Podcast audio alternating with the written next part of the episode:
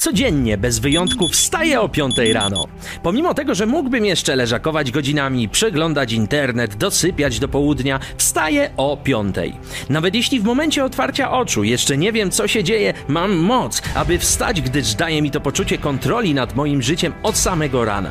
Natychmiast doceniam świat dookoła mnie i moje piękne życie. Biorę od razu po wstaniu ubrania i od razu ruszam na trening. Siłownia, bieganie, basen, spacer z psem. Ten nawyk daje mi nie tylko dużo przyjemności, ale również pozwala utrzymać mi kondycję, koncentrację i topową energię przez cały dzień. Jest to jeden z podstawowych składników mojego sukcesu życiowego. Jaki sens miałoby bycie bogatym bez energii i bez zdrowia? Następnie zjadam śniadanie, medytuję, czytam książkę i przeglądam swoje cele. Dzięki temu od razu nastawiam mój umysł na to, co chcę w życiu osiągnąć. Większość ludzi rano przegląda media społecznościowe czy wiadomości, nastrajając się od razu na życie w reakcji, skazując się na pasywną egzystencję. Ja wolę sam kreować swoją rzeczywistość, robić to, co ja chcę, a nie reagować na to, co przynosi to życie. Skup się na swoim życiu, codziennie kreuj swój własny świat, gdyż najgorszym, co możesz zrobić, to iść spać bez marzeń i budzić się bez celu. Nazywam się Krzysztof Król. Chcę pomóc Ci zbudować piękne życie. Zapraszam Cię serdecznie na darmowe szkolenie, które poprowadzę już w najbliższą niedzielę o godzinie 7. Bardzo fajnie można zobaczyć tutaj, e, gdzie ja mieszkam właśnie w Tajlandii. Tutaj ludzie są naturalnie uśmiechnięci. Niezależnie od tego, jakiego są wyznania, w jakim są wieku, to oni się uśmiechają. Wiele osób, na przykład na zachodzie, zauważyłem, że wiele osób, jak widzi takiego uśmiechniętego człowieka, to oni się starają znaleźć z czym on ma problem? Czy on jest jakiś walnięty, może pijany, albo co się tak szczerzy? Tutaj na przykład w Tajlandii to właśnie ten uśmiech, ta radość jest czymś naturalnym, to jest naturalny ich stan. Na przykład dzisiaj, jak szedłem sobie bardzo wcześnie, bo dzisiaj wstałem w ogóle przed czwartą, bo wcześniej poszedłem spać, więc się wyspałem dosyć wcześnie, więc rano sobie wyszedłem, ja uwielbiam wychodzić właśnie tutaj e, na spacery z moim labradorkiem, z moją ninją, po naszej okolicy. I tutaj niedaleko nas mamy taką muzełmańską wioskę. I spotkałem dzisiaj, co się okazało, ja nawet nie wiedziałem w sumie, że spotkałem imama właśnie tam z y, lokalnego meczetu. No a spotkałem gościa, którego już wcześniej widziałem. Uśmiechnięty, taki niewysoki dosyć, starszy gość, który też sobie rano po prostu wychodzi na spacer zawsze tam o godzinie gdzieś piątej czy coś takiego, więc często ja go spotykałem rano, a dzisiaj się dowiedziałem, no i przegadaliśmy tam chyba przez pół godziny razem po tajsku całość, natomiast no niesamowicie pozytywny człowiek, też uśmiechnięty, bardzo taki miły i ja to uwielbiam w Tajlandii, jak wychodzę sobie rano, czy pobiegać, czy właśnie na spacer z psem, jak ci ludzie tam, bardzo wiele osób już zaczyna tam jakąś pracę, jakieś tam tutaj w wiosce obok y, kroją jakieś ryby, co, do, co tam w nocy złowili na sprzedaż, ktoś tam już rozpala jakieś te łoki właśnie z y, tajskim jedzeniem, y, bo, bo ludzie, którzy jadą do pracy, to sobie kupują tutaj właśnie śniadanie i codziennie, jak wyjdę na taki spacer, to zaczyna się od kilkudziesięciu uśmiechów. Ja po prostu idę i każdy człowiek po drodze się do mnie uśmiechnie. Nawet jak jedzie ktoś na skuterze, to też się uśmiechnie.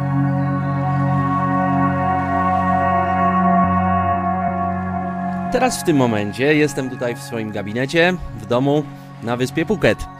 I jest to wymarzone moje miejsce, bo pamiętam jako dziecko zawsze marzyłem o tropikach.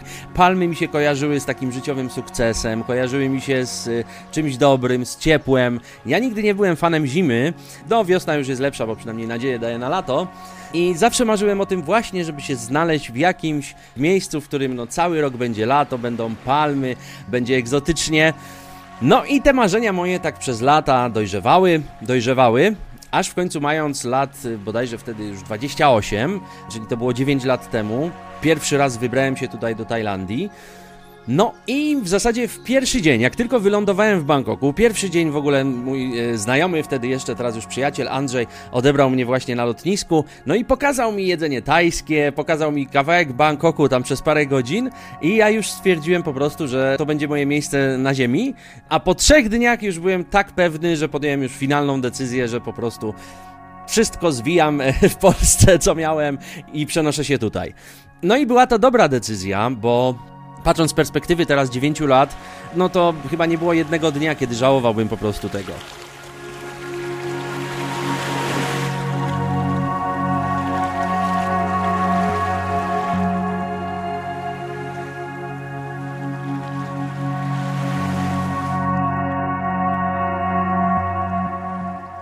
Pamiętam jak byłem małym dzieckiem, to to było bardzo ciężko. Moi rodzice, mój tata na przykład pracował na kilka zmian i to na zasadzie tak w kilku pracach naraz. Więc ja pamiętam, że on no, po prostu z jednej pracy do drugiej, jeszcze wieczorami siedział i jakieś tam rysunki techniczne przerysowywał. Mało kiedy był w domu tak naprawdę. Ma, moja mama też pracowała ciężko. Rodzice naprawdę walczyli o to, żeby w domu coś się działo. I nawet jak później dorastałem też w liceum czy coś, no to nigdy głodny nie chodziłem, ale też nie byliśmy nigdy jakąś bogatą rodziną, żeby mnie było stać na jakieś tam firmowe ubrania czy jakieś gadżety, a już nie mówiąc o podróżach. No, pierwszą podróż tak naprawdę, nie licząc chyba tam jakichś paru wyjazdów na Słowację w dzieciństwie, na narty, no to pierwszą w ogóle moją podróż zagraniczną to odbyłem mając bodajże 19 czy 20 lat, kiedy z moim przyjacielem właśnie wybraliśmy się w taką podróż bardzo budżetową po Europie. Startowałem z takiego punktu, powiedzmy, kiedy no, wiedziałem, że muszę sam sobie zarobić, jeśli chcesz coś więcej w życiu. No i to doprowadziło do tego, że właśnie w wieku 18 lat otwarłem swój pierwszy biznes. Był to wtedy sklep z płytami winylowymi dla DJ-ów, bo tym się też interesowałem. Od, od małego się interesowałem muzyką i była to jedna z moich pasji największych. I też chciałem być zawsze DJ-em, zresztą byłem już w wieku nawet tam dziecięcym, jak gdzieś były jakieś e, zielone szkoły, czy jakieś dyskoteki szkolne, no to zawsze ja e, byłem tym, który grał muzykę. No i później to się rozwinęło oczywiście tam w granie po różnych klubach, no i jako, że się interesowałem tą muzyką, miałem te płyty winylowe i nie dało się w Polsce nigdzie płyt winylowych kupić, no to zacząłem ich poszukiwać w różnych miejscach, po jakichś komisach, gdzieś wynajdywać jakieś sztuki i stwierdziłem też, że zacznę te płyty winylowe sprzedawać przez internet. No i wtedy powstał tam, wiadomo, serwis aukcyjny, na którym zacząłem to wystawiać. E, kupiłem tam od mojego znajomego trochę płyt, wystawiłem je, sprzedałem 10 razy drożej. Później zacząłem znajdować DJ-ów w Niemczech, którzy dostawali wtedy płyty winylowe za darmo z różnych wytwórni, po to właśnie, żeby promować daną muzykę. No i to, co im nie było potrzebne, no to ja od nich odkupowałem wtedy po 1 euro, czyli po jakieś tam 3-4 złote. A sprzedawałem w Polsce na przykład po 20-25, więc to był w ogóle mój pierwszy biznes, kiedy właśnie zacząłem zarabiać swoje pieniądze, kiedy już mogłem zacząć coś sobie tam y, kupować, ale przez pierwszych kilka lat to żyłem bardzo oszczędnie. W zasadzie to jedno kino domowe to był jedyny wydatek i dopiero później po paru latach kupiłem sobie samochód, a tak to całe pieniądze reinwestowałem z powrotem właśnie w swoje biznesy. Szczerze mówiąc, to nie mam pojęcia nawet, skąd wzięło się u mnie to zainteresowanie biznesem. Chyba właśnie z tego powodu, że zawsze ceniłem sobie wolność i jakoś nie wyobrażałem sobie, żeby ktoś mi mówił, co mam robić. Czyli nigdy nie wyobrażałem sobie siebie na etacie. I tak samo też wiedziałem, że no, jeśli chcę sobie coś kupić, to muszę sobie na to zarobić. I nie miałem żadnych wzorców tak naprawdę, ani w rodzinie, bo u mnie w rodzinie, w całej rodzinie, a tam rodziny małej nie mam, nikt praktycznie nie prowadził biznesu. Jeden kuzyn miał y, no taką jednoosobową działalność, tam robił jakieś instalacje właśnie gazowe, czy rury, czy coś takiego, więc to był zupełnie inny typ biznesu niż mój. Wśród moich znajomych, wiadomo, w czasach liceum, mając 18 lat, no to też nikt nawet o biznesie nie myślał, bo tam myśleli bardziej o graniu w piłkę, czy na komputerze. I chyba ja byłem pierwszą osobą w ogóle z tych wszystkich, które znałem dookoła, która zaczęła coś robić. Wszystkie wszystkiego musiałem próbować sam, sam kombinować jakoś, jak to wszystko poskładać, e, związać koniec z końcem właśnie w tych swoich biznesach, bo później już one się zaczęły mnożyć. I między innymi dlatego dzisiaj na przykład taką mam wielką ochotę, żeby tworzyć właśnie jakieś materiały dotyczące prowadzenia biznesu, zarabiania pieniędzy, w ogóle zarządzania tymi pieniędzmi dla innych ludzi, bo ja cały czas pamiętam po prostu swoje czasy, kiedy no w Polsce jeszcze wtedy nawet nie było jednej pewnie książki jakiejś konkretnej o prowadzeniu firmy i nie miałem zupełnie nawet od kogo czerpać jakiegoś przykładu, więc dzisiaj, kiedy ja już mam to doświadczenie prawie 20-letnie teraz, to staram się jak najwięcej tych informacji ludziom przekazywać, żeby młodzi ludzie, czy nawet starsi ludzie, ale ci, którzy chcą dzisiaj zacząć coś robić sami, żeby już nie musieli błądzić po omacku tak jak ja i szukać w sobie tej właśnie, bo to odwagi też wymaga, nie? Żeby wśród tam wszystkich znajomych, którzy są na etacie, być jedną osobą, która jednak idzie po swoje, nie? I przeciera te szlaki. Więc żeby oni właśnie mieli jakieś miejsce, gdzie mogą czerpać tą wiedzę, nie muszą popełniać tych wszystkich błędów, które ja popełniłem i być może szybciej osiągną ten swój sukces.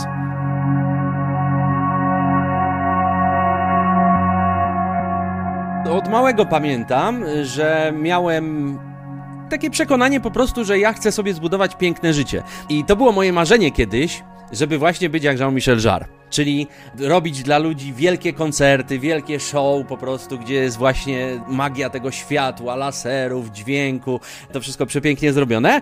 Więc można powiedzieć, że gdzieś tam byłem dzieckiem, które chciało coś dużego osiągnąć od małego.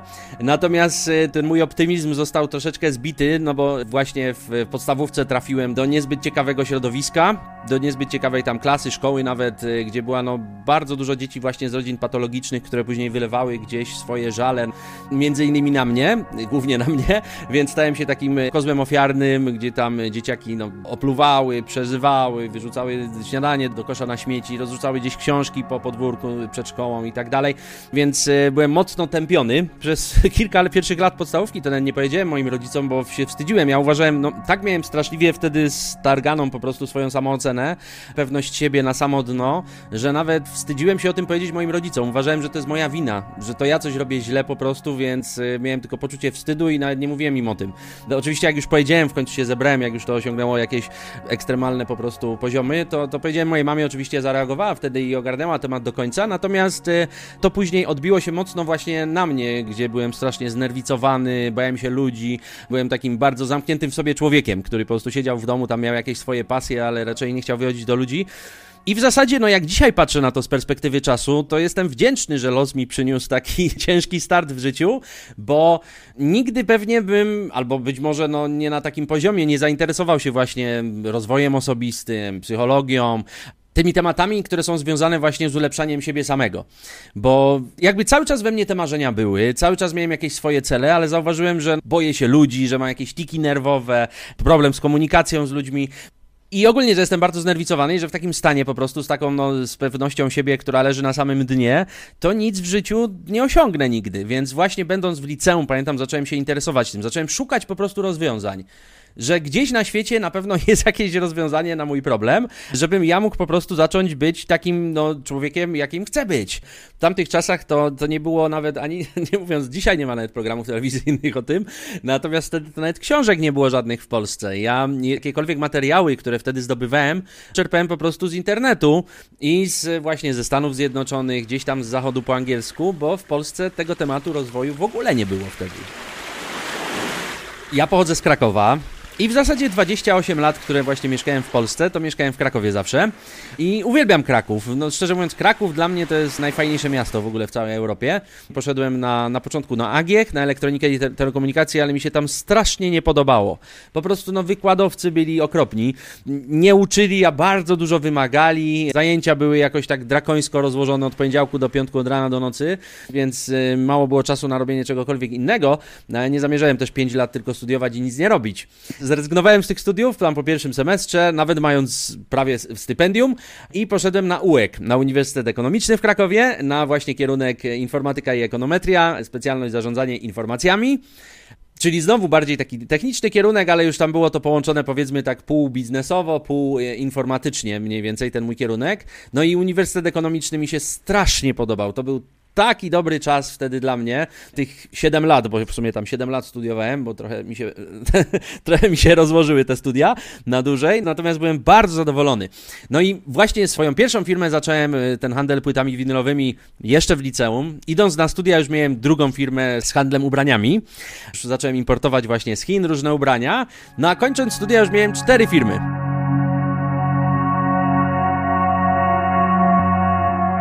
To myślę, co najważniejsze, czego się nauczyłem y, w życiu, to myślę, nauczyli mnie moi rodzice i moja babcia.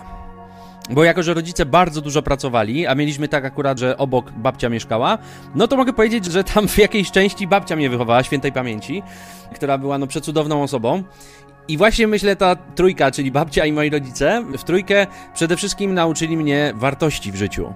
I to w sobie najbardziej cenię, bo oni jakimś sposobem mi tak głęboko po prostu zakorzenili pewne takie podstawowe rzeczy, które bardzo ułatwiają życie, już nie mówiąc tam o kwestii etycznej, moralnej, ale żeby zawsze być uczciwym, żeby nie zdradzać, żeby nie oszukiwać, nie kraść, nie, nie, nie robić jakichś takich rzeczy, to bardzo sobie cenię po prostu, bo wiem, że wiele osób nie miało takiego szczęścia i oni później gdzieś sami muszą sobie ten wykuwać ten charakter, czy, czy może nawet coś głębiej niż charakter, po prostu taki no kręgosłup moralny, o. To uważam, że to są najważniejsze rzeczy, bo kurczę, no ja mam nadzieję, że będę w stanie mojemu synkowi też te wartości przekazać, bo one bardzo ułatwiają życie. Ludzie, którzy do mnie bardzo często trafiają z różnymi tam życiowymi problemami, żeby to rozwiązać, to ja widzę, że wiele z tych problemów wynika właśnie z powodu braku takich podstawowych rzeczy, nie? Że na przykład im się rozlatuje małżeństwo, no bo było, w grę wchodziła jakaś zdrada i przecież to było do uniknięcia, no można było, jakby człowiek miał wartości, no to nie doszłoby do czegoś takiego.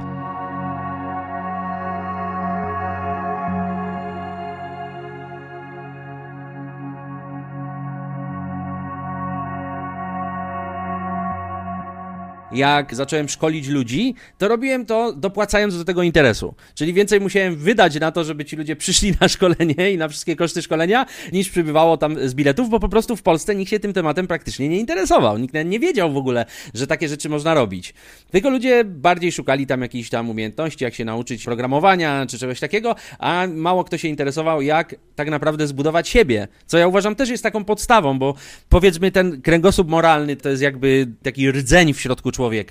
Później jest y, cały charakter, czyli właśnie to, że człowiek nie ma problemu, żeby wstać rano, że jest sumienny, punktualny, że jak coś postanowi, to się trzyma swoich postanowień. No i wiele, wiele jeszcze tam, dziesiątki innych rzeczy przydatnych. I dopiero na tym jakby można budować już te umiejętności pozostałe wszystkie, czyli swoją jakąś tam karierę, czy biznes, czy jakieś umiejętności już konkretnie biznesowe, czy umiejętności jakieś, które wykorzystujemy w pracy, bo jeśli weźmiemy jakikolwiek podręcznik do psychologii, no ja teraz doktora z psychologii robię, więc tych podręczników na biurku to mam całą stertę, to tam jest tak naprawdę więcej pytań niż odpowiedzi. I nawet te odpowiedzi, które są, bardzo często są ze sobą sprzeczne, bardzo często są jakieś badania naukowe, niektóre potwierdzają coś, niektóre zaprzeczają.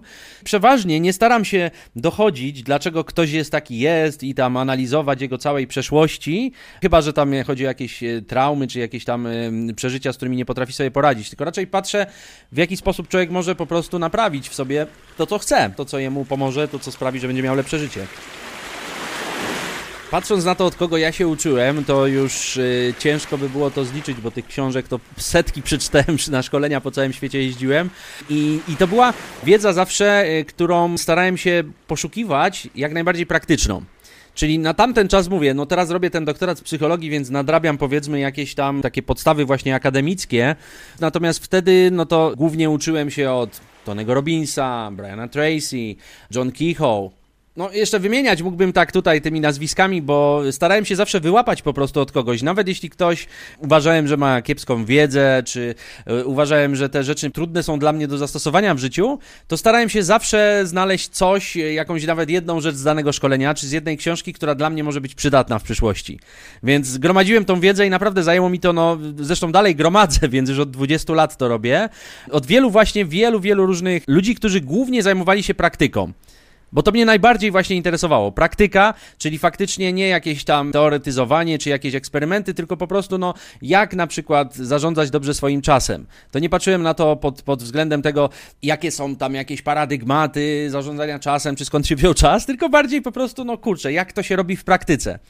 Więc tych nauczycieli było bardzo dużo, bardzo dużo. Od Golemana, od yy, nawet jakiś Deepak Chopra, Darren Brown fajne książki ma w ogóle w innej troszkę tematyce, Jim Rohn, e, John Gray nawet odnośnie na przykład właśnie związków, relacji, czy Alani Barbara Peace odnośnie mowy ciała, czy właśnie też relacji, Napoleon Hill oczywiście. Dzisiaj ta moja wiedza to jest właśnie fajnie poukładana z tego powodu, że ja jestem takim człowiekiem, który jak za coś się zabiera, to ja lubię wiedzieć wszystko. Czyli na zasadzie takiej na przykład, jak e, ostatnio kupowałem jakieś sprzęt do kina domowego właśnie, no, nowe głośniki tutaj kupowałem, to w ciągu paru miesięcy ja już wiedziałem praktycznie każdy model kolumny, jakie ma parametry, jak to gra, jak to porównać jedno z drugim, bo po prostu chciałem wybrać te dla siebie najlepsze. Jak e, kupowałem sobie samochód tutaj na przykład, to też znałem wszystkie modele na tamten czas, e, jakie są w Tajlandii, jakie mają parametry, jak się nimi jeździ, byłem po jazdach testowych i, i tak dalej. Jak kupiliśmy dom tutaj, to ja wiedziałem praktycznie każdy projekt na wyspie znałem, bo obejrzeliśmy z żoną no, prawie 200 willi tutaj przez kilka lat różnych, więc wiedziałem wszędzie, żeby wybrać dla siebie to najlepsze. I tak samo jak właśnie zabrałem się za rozwój osobisty, to też chciałem znać wszystko, co ludzkość stworzyła w tej tematyce na Ziemi. Więc starałem się przeczytać każdą książkę, mówię, nawet tą, co ludzie oceniali, że jest kiepska, przeczytać ją, albo może tam jest jakieś jedno zdanie, które uznam za wartościowe. Dla mnie wiedza, którą ja przekazuję ludziom, to jest dopełnienie właśnie całej edukacji, której ludzie nie otrzymują od społeczeństwa. Bo właśnie tych rzeczy, których ja uczę. Zarządzanie swoim życiem na początek. Jak to życie zaplanować, jak je ogarnąć, żeby to nie było po prostu życie z dnia na dzień i zobaczymy, co przyniesie jutro, tylko żeby móc coś osiągnąć, bo każdą rzecz, żeby móc osiągnąć większą, to trzeba ją zaplanować. No człowiek nie jest w stanie zbudować dziesięciopiętrowego, czy nawet pięćdziesięciopiętrowego, czy nawet dwupiętrowego wieżowca jakiegoś czy domu bez planu, prawda, architektonicznego. Nie jest w stanie stworzyć firmy, która osiągnie jakiś duży sukces bez planu, bez celów jakichś, które tam się będą znajdować. Nie uczą nas właśnie o tym w ogóle, jak no, na początek zaplanować życie, jak zarządzać swoim czasem nawet, czyli jak w tym miesiącu, w tygodniu, w każdym dniu, czy w każdym roku nawet, jak e, znaleźć ten balans, tą równowagę, żeby z jednej strony właśnie realizować to, co się chce, czyli budować sobie jakiś biznes, jakąś karierę, coś tworzyć, z drugiej strony mieć czas dla rodziny, mieć czas na zdrowie, żeby odpocząć, żeby się zregenerować, żeby jakiś tam sport uprawiać, e, żeby poczytać książkę, żeby mieć jakieś pasje, więc to, to wszystko, żeby osiągnąć, to trzeba umieć tym czasem zarządzać i są ku temu odpowiednie metody, są e, strategie bardzo skuteczne, których no niestety prawie nikt, można powiedzieć, prawie nikt w Polsce nie zna. Oprócz tego, no właśnie, zarządzanie emocjami. To jest w ogóle podstawa. Bo my bardzo często pod wpływem swojego stanu emocjonalnego nie tylko traktujemy tak, a nie inaczej innych ludzi, nie tylko traktujemy siebie, ale też podejmujemy pewne decyzje. Więc tego nas nikt nie uczy. Więc tych obszarów jest bardzo dużo. No relacje nawet damsko-męskie, coś czym też się intensywnie zajmowałem, bo też tego nie umiałem zupełnie. Nikt mnie nie nauczył. Wszyscy mówili bądź sobą jakoś to będzie, ale nie było. Jakoś pamiętam za pierwszą dziewczyną to ja musiałem 6 miesięcy biegać. Później trzy razy ze mną zrywała, zanim stworzyliśmy związek. I miałem pojęcia jak to się robi. Kurczę, jedyną wiedzę to miałem z filmów, a w filmach to są bzdury totalne, no.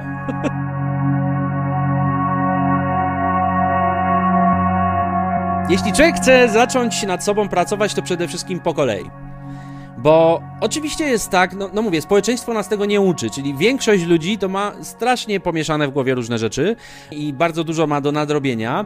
Wiele osób na przykład nawet nie zaczyna pracy nad sobą. Nawet nie startują z własnym biznesem, nawet nie, nie osiągają czegoś w życiu, dlatego, bo ich to przytłacza, bo ich to przerasta, bo uważają, że tego jest tak dużo, że nawet nie są w stanie tego ogarnąć umysłem. A najlepszą strategią jest właśnie to, żeby zacząć małymi krokami. Czyli znaleźć sobie, ok, mam problem na przykład z porannym wstawaniem, to ogarnę na początek ten temat, żeby mieć trochę więcej czasu w ciągu dnia i więcej energii i lepiej sypiać. Mam problem na przykład z tym, że jestem niepunktualny, to sobie ogarnę ten jeden temat. Mam problem z tym, że nie chodzę na treningi, to sobie ogarnę ten temat. I po kolei, po kolei, jeden za drugim. Ja w każdym razie tak robiłem też w swoim życiu, no z tą różnicą, że ja musiałem gdzieś tam y, po świecie latać, czytać setki książek i poświęcić na to 20 lat, żeby tą wiedzę y, zdobyć, a ludzie dzisiaj już mają to no, na wyciągnięcie ręki dużo łatwiej mogą właśnie te metody, jak to zrobić, zdobyć.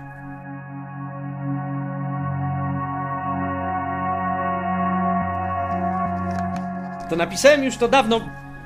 Już to znajdę na okładce mojej książki. Mm -mm takie słowa napisałem, które były dla mnie wtedy bardzo istotne, zresztą do dzisiaj są. Czy jeśli mógłbyś, jak w filmie, wybrać życie dowolnego człowieka ze wszystkich kiedykolwiek żyjących, wybrałbyś własne? Czy mając taki wybór chciałbyś je przeżyć ponownie? Czy jesteś zadowolony ze swojego życia? I ja to pisałem jeszcze zanim wyjechałem do Tajlandii, jeszcze to było zaraz tam po studiach. To było takie myślenie, czy ja kiedykolwiek chciałbym się z kimkolwiek zamienić po prostu na życie. I Kurczę, tak jest, że już od dawna, dawna, dawna, od niepamiętnych czasów, to mam tak po prostu, że w życiu bym się z nikim nie zamienił. Czyli tak jak pytasz tutaj, czy czuję się królem życia, no swojego na pewno. Każdego dnia budzę się rano i zastanawiam się, co ja chcę dzisiaj robić, na co ja mam dzisiaj ochotę. Jak chcę, żeby wyglądał ten mój dzień. Obok mnie moja wspaniała żona, synek, palmy, więc spełniłem te wszystkie swoje marzenia, których kiedyś tak bardzo intensywnie marzyłem, dotyczące właśnie tego, żeby mieć ukochaną żonę, wspaniałą osobę, z którą przeżyję całe życie, mieszkać w tropikach, więc y, nie wyobrażam sobie po prostu, że mógłbym coś lepiej dotychczas zrobić w swoim życiu. I nawet doceniam te wszystkie złe rzeczy, nawet to, co właśnie przykrego mi się zdarzało, a było sporo tych rzeczy przykrych w moim życiu gdzieś wcześniej, ale zawsze staram się dostrzec w tym, że one i tak doprowadziły do czegoś dobrego, skoro jestem dzisiaj tu, gdzie jestem i mam takie życie i kurczę, nie zmieniłbym niczego w nim po prostu. Jest przecudownie, jest wspaniale. Każdego dnia, albo prawie każdego powiedzmy, czasem się coś zdarzy. Natomiast y, nie żałuję absolutnie niczego i w życiu bym nie chciał, żeby cokolwiek się zmieniło w mojej przeszłości, nawet jeśli miałbym taką możliwość, bo być może nie doprowadziłoby mnie to, gdzie jestem dzisiaj tutaj. Także jestem wdzięczny i za te dobre rzeczy, które mi się przydarzyły, i za te złe, i za tych dobrych ludzi, których miałem na swojej drodze, i tych złych też, którzy mnie skrzywdzili. Jestem za to wszystko wdzięczny, bo widocznie tak miało być i miało mnie to doprowadzić tu, gdzie jestem.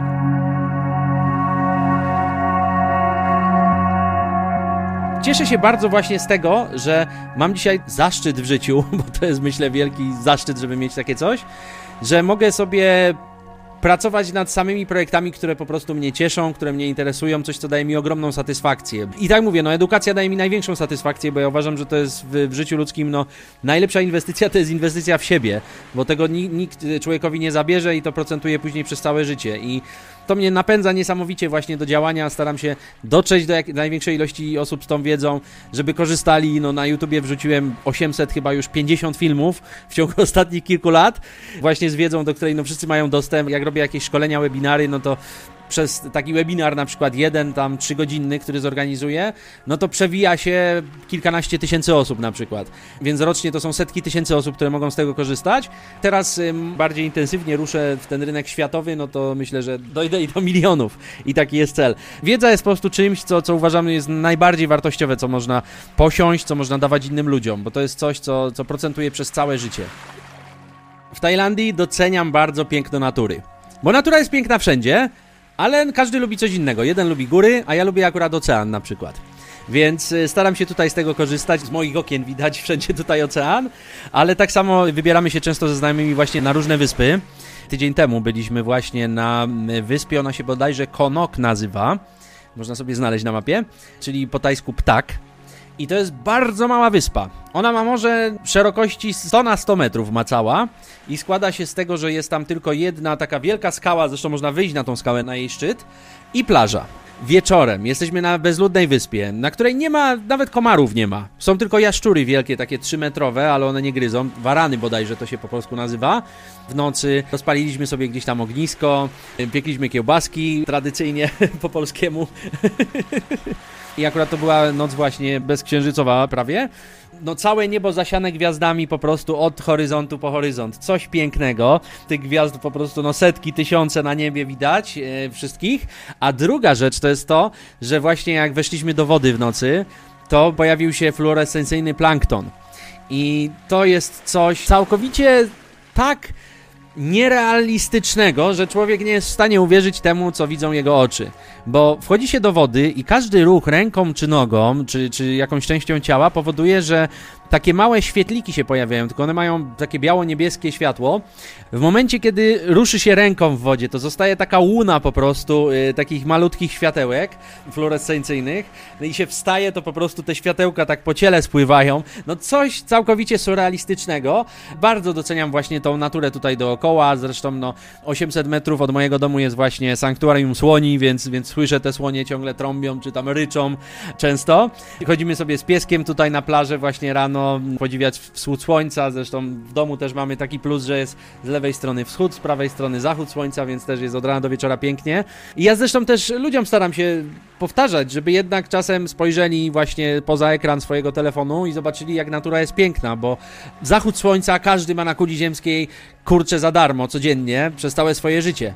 I no chyba, że jest zachmurzone niebo. Czasem też podczas chmur są najpiękniejsze te zachody. Można to doceniać, można się na tym skupiać. Najpiękniejszy obraz po prostu namalowany najpiękniejszymi kolorami można mieć codziennie, na wyciągnięcie ręki. Tylko ludzie zamiast na to, no to patrzą w ekran telefonu.